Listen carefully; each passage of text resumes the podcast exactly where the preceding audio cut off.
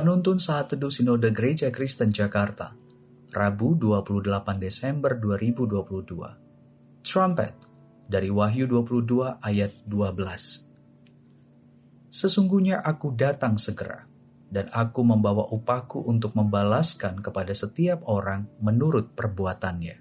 Saudara, Willem van Gemeren dalam bukunya The Progress of Redemption memberikan akronim trumpet yang menekankan mengenai hari Tuhan, sebuah era penghakiman dan pembebasan, pembuktian kebenaran dan keselamatan, penghancuran dan pembaruan. Semua aspek ini berkaitan dengan apa yang telah Allah lakukan dan akan ia capai di dalam Yesus Kristus.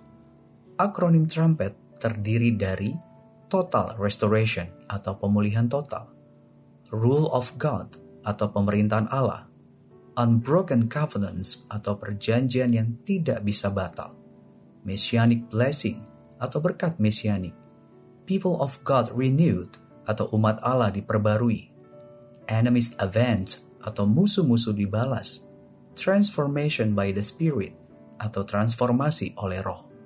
Saudara, tujuan kedatangan Tuhan Yesus kembali adalah untuk mengadakan pemulihan total terhadap ciptaan Bumi saat ini akan ditransformasikan menjadi tempat kediaman yang kudus dan benar dari Allah bagi semua orang kudus, termasuk kepada kita.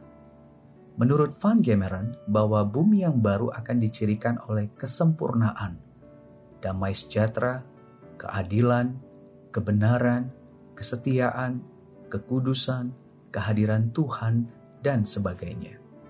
Tujuan kedatangan Tuhan Yesus juga untuk menghadirkan pemerintahan Allah di tengah-tengah umatnya.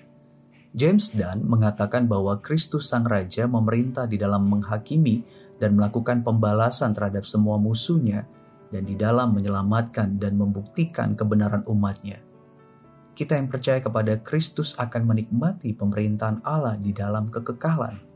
Selain itu, Kristus datang kembali untuk menyatakan bahwa perjanjian Allah tidak bisa batal. Allah mengikrarkan perjanjiannya melalui empat perjanjian yang semuanya menggambarkan pilihan dan kasih Allah kepada umatnya.